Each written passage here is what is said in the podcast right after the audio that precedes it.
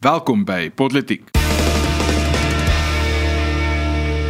Ek is Herman Pretorius en saam met my in die ateljee vandag is Ernst van Sail, Paul Marits en Daniel Elof en in vandag se episode die nasionale gesondheidsversekering kort salf. Cyril Veldtog help homself en Ramaphosa se eerste jaar en 'n half. Ek probeer daai half ry, maar ek weet nie of dit werk nie.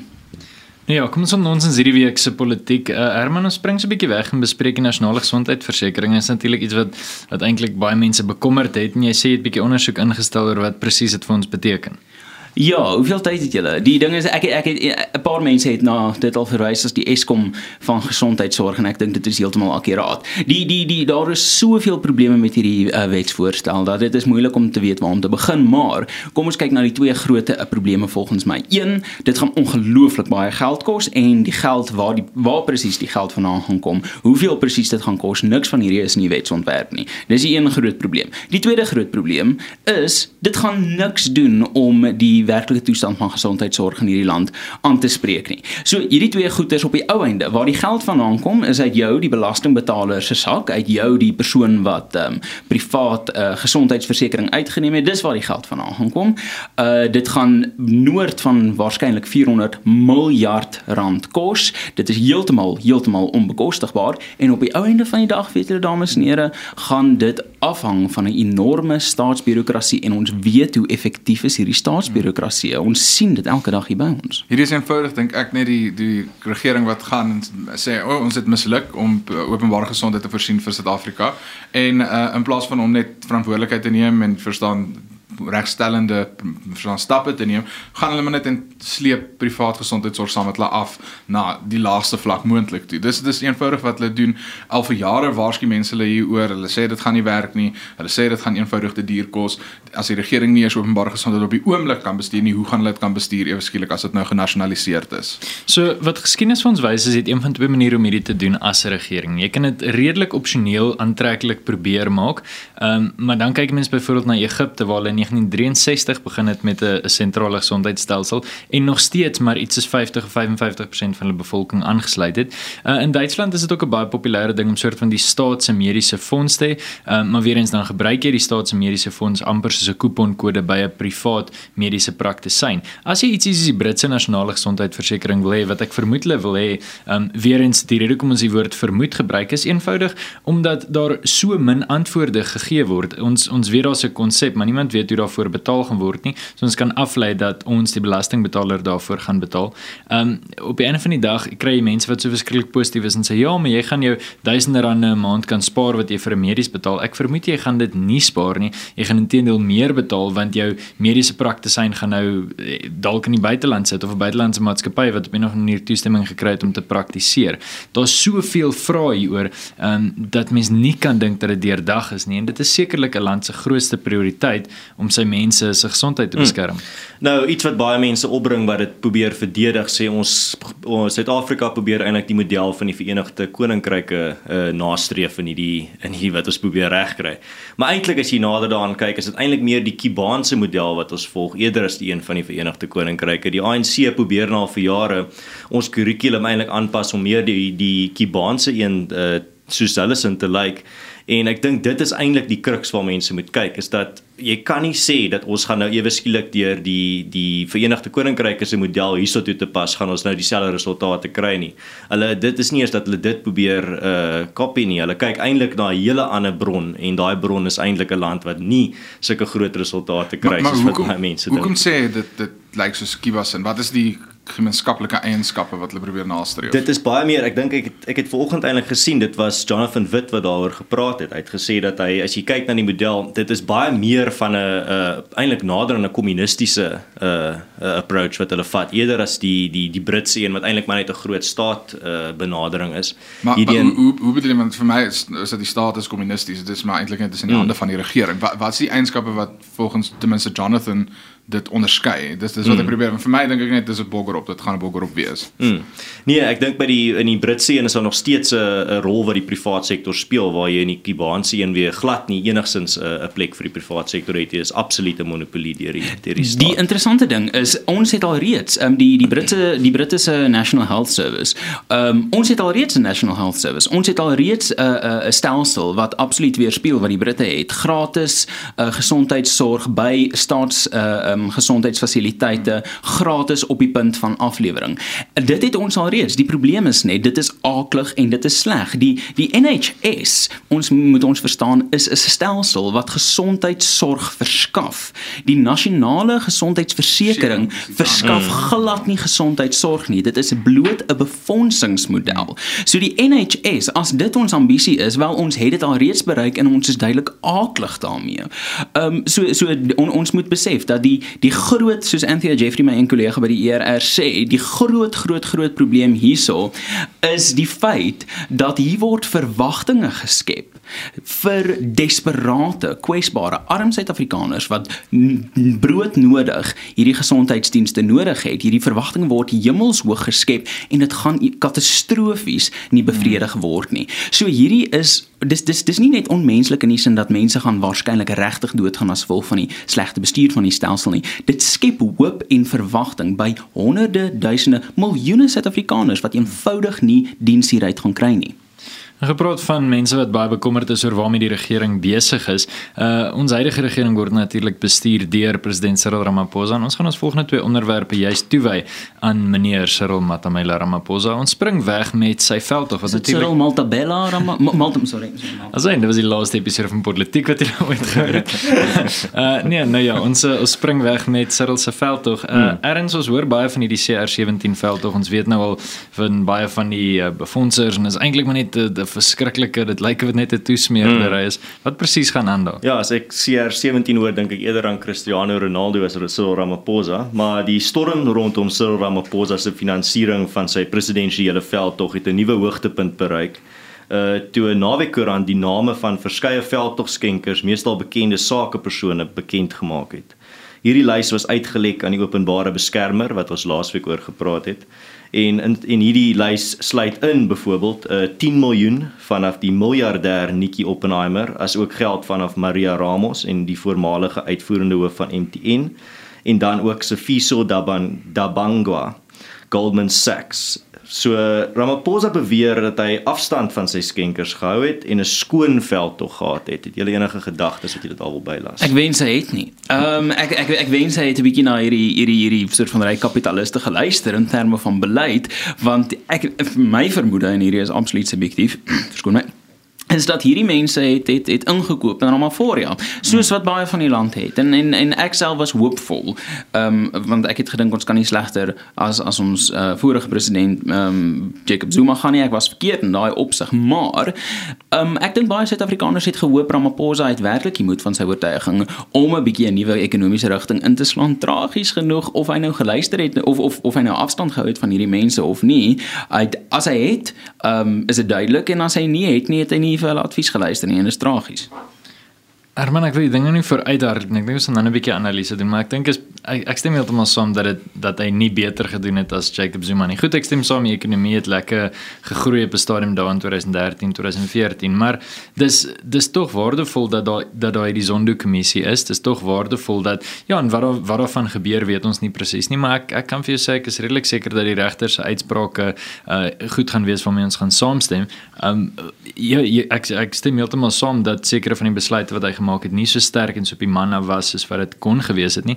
Ehm um, maar die die vraag is is ons regtig op 'n punt om te sê Jacob Zuma was essensieel beter vir Suid-Afrika en ek kan nie daarmee saamstem nie. Wel ja, nee, nee natuurlik was hy beter vir Suid-Afrika. Ehm um, bloot op beleidsinstellings hy het nooit uh, die die nasionale gesondheidsversekering uh, ingestel nie. Hy het nooit grondonteiening sonder vergoeding ingestel nie. Hierdie twee goeders is absoluut ehm um, en en die wonderlike ding is uh, die, die Jacob Zuma was so skerminkel dat almal kon sien hy is skerminkel. Mm. Cyril Ramaphosa gee vir mense hierdie hierdie valse idee van hoop Cyril sal dit uitsorteer. Hy gaan nie, hy kan nie, hy wil nie en en hy sal ook nie. En en op die Zondo kommissie dis nuttig vir wie?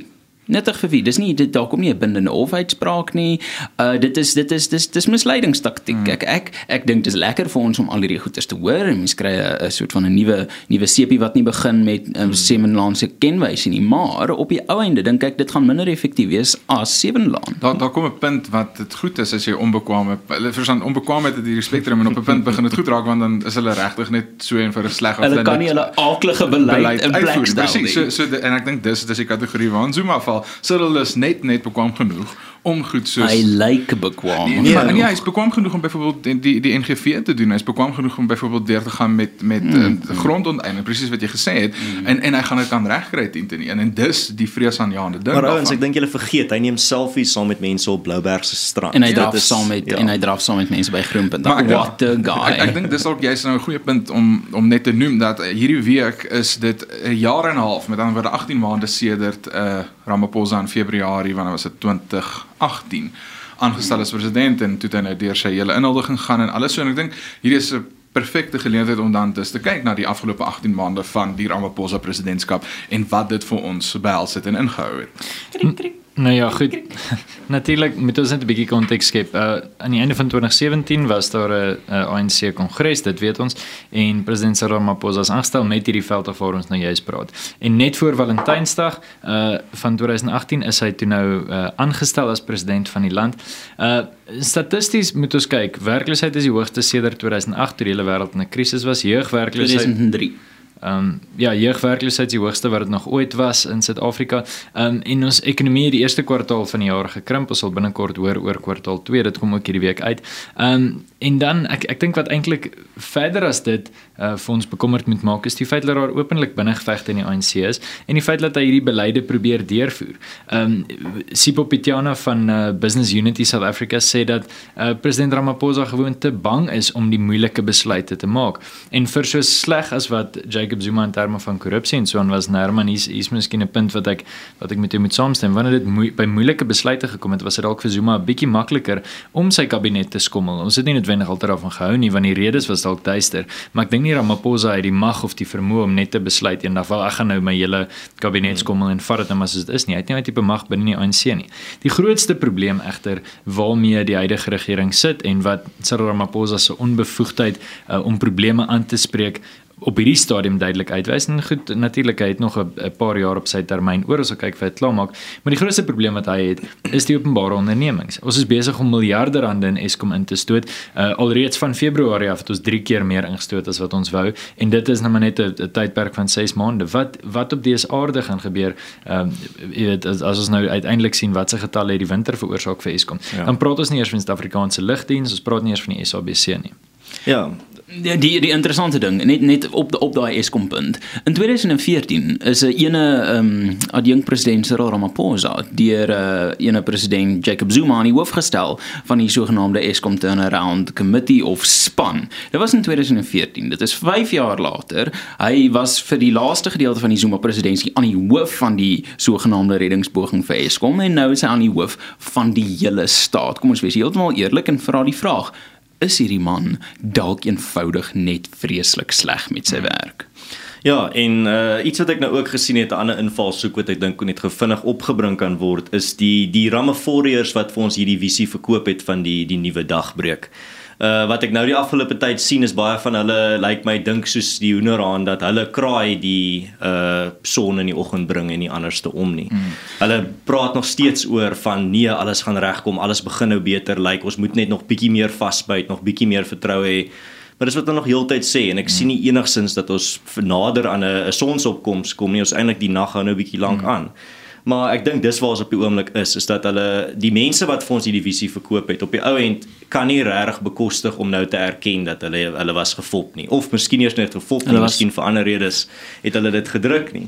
So ek dink dis waar ons nou is, is dat daai mense gaan nooit regtig uh erken dat hulle het vir ons regtig nou nader aan die afgrond gebring nie. Hulle het eintlik vir ons 'n valse visie geskep. Hmm. Maar ek dink dis nou op die oomblik tyd en dis waarmee ek sal wil afsluit is dat Suid-Afrikaners moet wakker word dat hierdie die mense wat vir ons hierdie visies van die toekoms verkoop eintlik maar net vir ons ligkastele bou wat nooit regtig hmm. materialiseer nie. Ek dink ons moet regtig op die oomblik ons lot in ons eie hande inneem en begin uh, 'n uh, stand neem teen uh, wat die probleme in ons land eerder as om op politici te wag om dit vir ons reg te maak. Ja, een van die goed nou spesifiek oor Ramaphosa wat toe net voordat hy nou verkies is of hy is nie verkies nie, maar hy is later verkies, maar hy's inguldig aanvanklik. So een van die goed wat hulle by baie mense gesê het is hy gaan beleggers vertroue in Suid-Afrika weer herstel. Jy weet hy oor dat mense hom ken en hy's bekend oor die wêreld en hy was betrokke by Kudesa. Het mense weer bietjie, jy weet, uh, um vertroue in Suid-Afrika en hulle gaan hulle hier kom belê, maar ongelukkig sien ons dit nie op die oomblik nie. Buitelandse beleggings is juis besig om te daal. Die mense is nie besig om hier te belê nie en mense is besig om na die buiteland toe letterlik te vlug. Mense verlaat Suid-Afrika in ongelooflike hoë getalle. Ehm um, en en Ramaphosa het niks ongelukkig daarin gedoen en ek dink dis 'n teken daarvan dat hy hy al hierdie ek wil amper sê doelwitte wat redelike eenvoudige doelwitte was wat die Suid-Afrikaanse bevolking of die aanhangers van Ramaphosa ten minste vir hom gestel het, het hy eenvoudig nie bereik nie.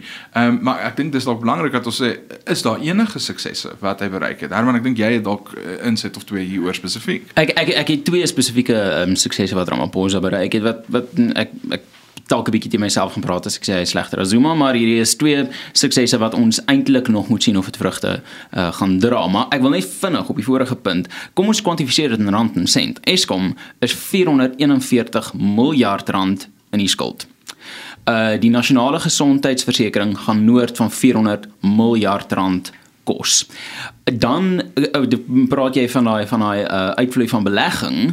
Ons het sê die begin van hierdie jaar meer as 50 miljard rand se equity beleggings in hierdie land verloor en uh, ons regeringsskuld word word al hoe minder werd en ons is besig om per week 1.2 miljard rand ekstra se regeringsskuld op te vuil net om die staat aan die gang te hou. So in terme van rand en sent is ons diep diep diep in die rooi en dit is dit is iets wat Suid-Afrikaners regtig moet besef. Maar ten opsigte van suksesse. Dink ek daar's ons twee wat wat wat ek kan identifiseer. Ek het gesukkel om 'n derde een te kry. Maar die ene is die aanstelling van die nuwe hoof van die uh, vervolgingsgesag, advokaat Betoy. Wat ons nog gaan sien. Wat die, ons die nog gaan sien. Die jury is, is ja. out as is 'n ding. Wat, wat Yuri, o, Yuri El, nee, nee, ek o, hof Yuri. Wel, Yuri as jy luister, jy's nog uit op daai een. Ehm, um, maar dit so dis eers een nasionale vervolgingsgesag advokaat Betoy. Ek dink sy is uh daar's sy maak belowende geleide en die afgelope paar dae is daar klanke dat omtrent 200 regeringsamptenare ehm um, deur die nasionale vervolgingsgesag uh, nou vervolg gaan word vir korrupsie aanklagtes. En die tweede kwessie, uh, die tweede sukses dink ek is die aanstelling van ehm um, Edward Kieswetter by die uh uh by SARS. En uh ons sien nou dat die openbare beskermer agter meneer Kieswetter aangaan, maar ek dink die ontslaa raak van Tomoyane 'n baie positiewe stap hmm. in die regte rigting en die aanstelling van meneer Kieswetter nog 'n positiewe stap. Vreemd daarvan dat jy bly is wanneer hulle bekwame mense aanstel by die ehm um, jy weet by by SARS. Ek ek dink ons wil jy's onbekwame mense by die ding dit dit dis 'n grensval. Ek sê my heeltemal met jou saam. Ek wens hulle wil ons belastinggeld uitlos, maar die punt is dat as hulle as SARS so sleg aangaan as wat dit gaan aangaan as wat dit sou onder meneer Moyane, so ek bedoel dan sou daar sulke groot probleme gekom het. Ja, gepraat van goeie nuus. Miskien is dit goeie nuus om te weet dat dit nie, nie net in Suid-Afrika nou en dan so 'n bietjie sleg gaan nie. Ons weet daar op hierdie stadium in Hong Kong uh eintlik maar 'n groot twis is oor wat presies die regeringsstelsel behoort te wees. Mm. En Daniel wat ja, ja, so, ek dink dis die groot internasionale nuus. Dis dis aktueel hierdie week oor die die betogings het nou aansienlik ehm um, ek wil sê geeskaleer, maar dit kom maar vir 'n rukkie. Dit dit het begin in Februarie, dit het weer 'n bietjie opgevlam in Junie en nou sien ons op die oomblik is dit weer besig om hier rond te doen op sosiale media. Maar 'n bietjie agtergrond vir die luisteraars wat dalk nie weet presies wat in Hong Kong aangaan nie. Wat belangrik is om te besef is dat Hong Kong is uh, is 'n vreemde situasie toe Brittanje in die 90's vir Hong Kong oorgegee het aan China het hulle was die mense van Hong Kong natuurlik bietjie ehm um, huiwerig en skrikkerig dat hulle nou gaan deel word van hierdie groot moondheid. En hulle toe basies sê dat hulle gaan een land wees maar met twee verskillende stelsels. So basies wat gebeur is die hoof van Hong Kong as mens kan presies die president van Hong Kong word voorgestel deur 'n komitee en deur die mense van Hong Kong en dan word hy eintlik maar net ge stamp deur die Chinese regering. So op die ouene het China maar redelike groot beheer oor hierdie ehm um, stad, maar dit is 'n verskillike ryk stad en ons moet dit sê en hulle het 'n ryk stad geword deur baie vrye markbeginsels mm. te gebruik en dit is hoekom dit so fantasties gaan met hulle. Hulle is basies 'n westerse enklaaf uh, ja, in terme van waardes en ekonomiese stelsel. Maar hierdie betogings kortliks waar dit net gaan is ehm um, daar dit is eintlik baie spesifiek en regstegnies, maar dit gaan oor dat uh, daar's nie 'n uitleweringsooreenkoms tussen Hong Kong en verskeie ander lande nie mm. en wat dit basies nou hulle nou die die Hong Kong se regering wil doen is hulle wil 'n wet instel wat sê hulle kan in enige land met wie hulle nie uitleweringsooreenkomste het nie persone uitlewer wie verstaan misdade gepleeg het in 'n ander land en wat dit vir die Hong Kong mense so uh, verskriklik maak is nou kan byvoorbeeld China basies sê wel ons versoek dat hierdie mense na ons toe uitgelewer word vir jy weet uh, wette wat hy oortree het in China byvoorbeeld om die regering te kritiseer. Hmm. En dis 'n dit dit dit maak dit moeilik vir die Hong Kong se mense.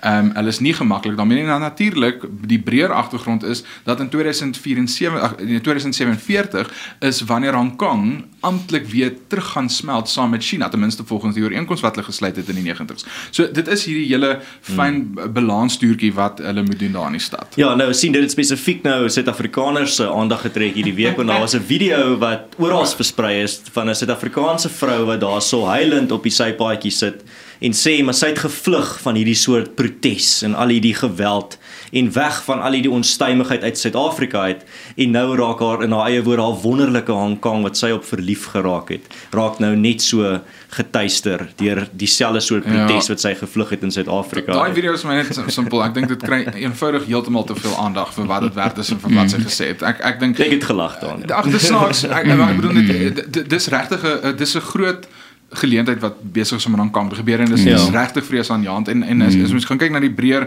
geopolitiese uh, verstaan spanning wat dit veroorsaak.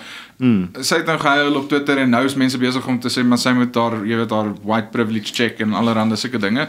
Ja, mense kom ons fokus op die breër prentjie wat besig ja. is om te gebeur. Wat vir my ontstellend is is ehm um, ek sien nie weer die ander eindig as die ander min ehm um, square. Nee, dit gaan nie. In die 80s nie. Ehm um, was nie in die 80s. Ja. Ek dink dit was nie 80s. Want dit het gebeur, ek kom nie kan onthou. O ja, ja, ja, ja dis waar.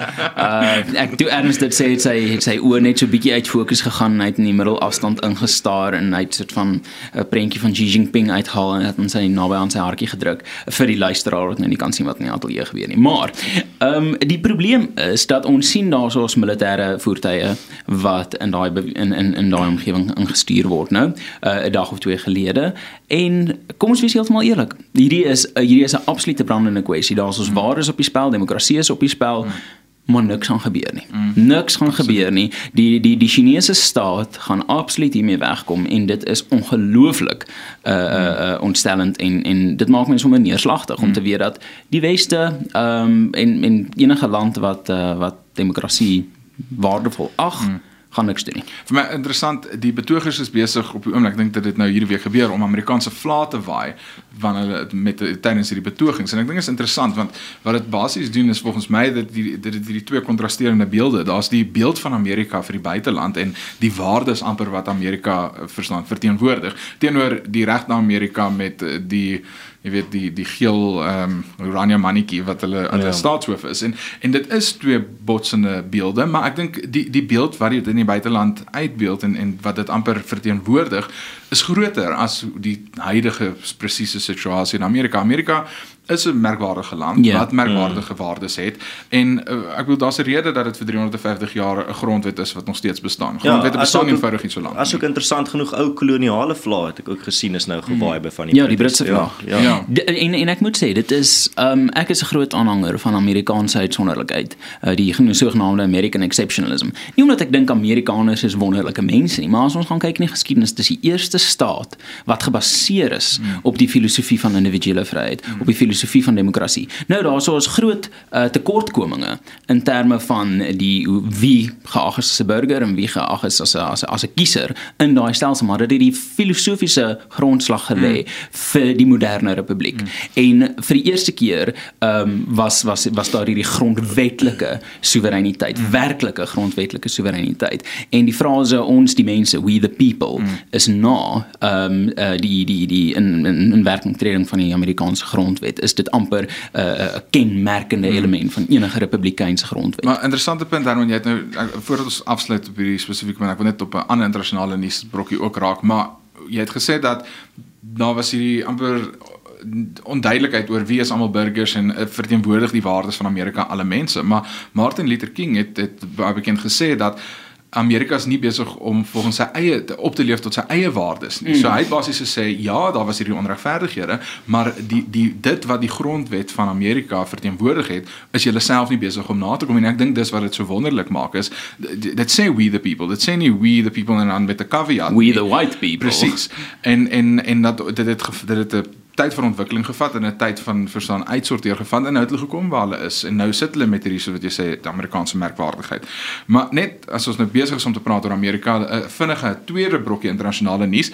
Ehm um, Jeffrey Epstein wat uh, dis dis 'n hele snaakse ding. Jy het nou gepraat van sosiale media en dat Ramaphosa moet nou net nie die episode luister nie anders gaan hy dalk ehm um, ek weet nie sy ehm um, SS stuur om ons luister asseblief meneer president, moenie vir Daniel luister nie, luister asseblief. Maar ehm um, ja, snaaks genoeg Jeffrey Epstein vir die luisteraars wat nie weet nie, hy's 'n uh, Amerikaanse miljardêr uh, wat klagtes gehad het van ehm um, kindermolestering dink ek is dit eenvoudig teen hom. Nee, hy het homself moet gepleeg in sy ehm um, in in sy sel net voordat die saak doen moes begin het. Maar wat hmm. ek dink redelik snaaks is is die die memes en die grappies wat nou gemaak word oor onder andere een van die mense wat uh, betrek is by hierdie hele saak en waar 'n aantuiging sien is is iemand soos Bill Clinton en hulle ja. sê almal ja, hulle is nou veilig Bill Clinton. Hulle het geen inligting wat ooit kan ja. lei tot die kriminele vervolging van Bill Clinton ja, nie. Ja, nou sien net baie interessant daar net vinnig. Ehm um, hy het al probeer selfmoord pleeg en mm. toe was dit nie gewerk nie. Nou ewe skielik 'n paar weke later toe was hy suksesvol want en die kamera in sy sel het net ophou werk toe dit gebeur het. Ehm um, baie snaakse omstandighede. Maar as julle dink julle is verbaas dat hy homself doodgemaak het, dink net hoe verbaas hy was. nou ja, uh dis dis natuurlik tyd vir ons om net so 'n bietjie 'n uh, uh, blinkkant bo uit te wys want alles is darm nie negatief nie. En uh, ek het uh, die die positiewe brokkie nuus wat ons almal natuurlik geniet het die afgelope naweek en dit is dat Suid-Afrika weer drie nasies kampioene is. So as daar as die nuus jou uh, bang maak. Maar, maar dis nie die drie nasies kompetisie nie, Paulus. Ja, dit ja, die, drie nasies en Argentinië. ek ek gaan ek gaan so sê Argentinië het 0 wedstryde gewen. Hulle het wel 'n bonuspunt gekry well, teen Australië en Nieu-Seeland. Ek dink Argentinië het al eh, vandat hulle in 2012 betrokke geraak by die kompetisie twee wedstryde gewen. En dit is beide keer teen ons. So, ja, ek nee, ek dink ek het amper meer as dit gewen. In terme van die drie nasies het ek amper soveel wedstryde gewen as Argentinië. Kom ons wees heeltemal eerlik. Hulle is net twee voor my. Ja. Maar in elk geval ons het die rugby kampioenskap gewen en daar's natuurlik 'n klomp interessante besprekingspunte in 'n wêreldbeker jaar. Ehm um, ons by politiek gaan uh, so min moontlik oor rugby praat, maar ons sal dit nou en dan ingly oor die volgende paar maande. En dan 'n uh, stukkie interessante nuus wat ek in die afgelope week gesien het, is daar is 'n groot asteroïde op pad na die aarde toe. Hy bestaan uit grootliks goud.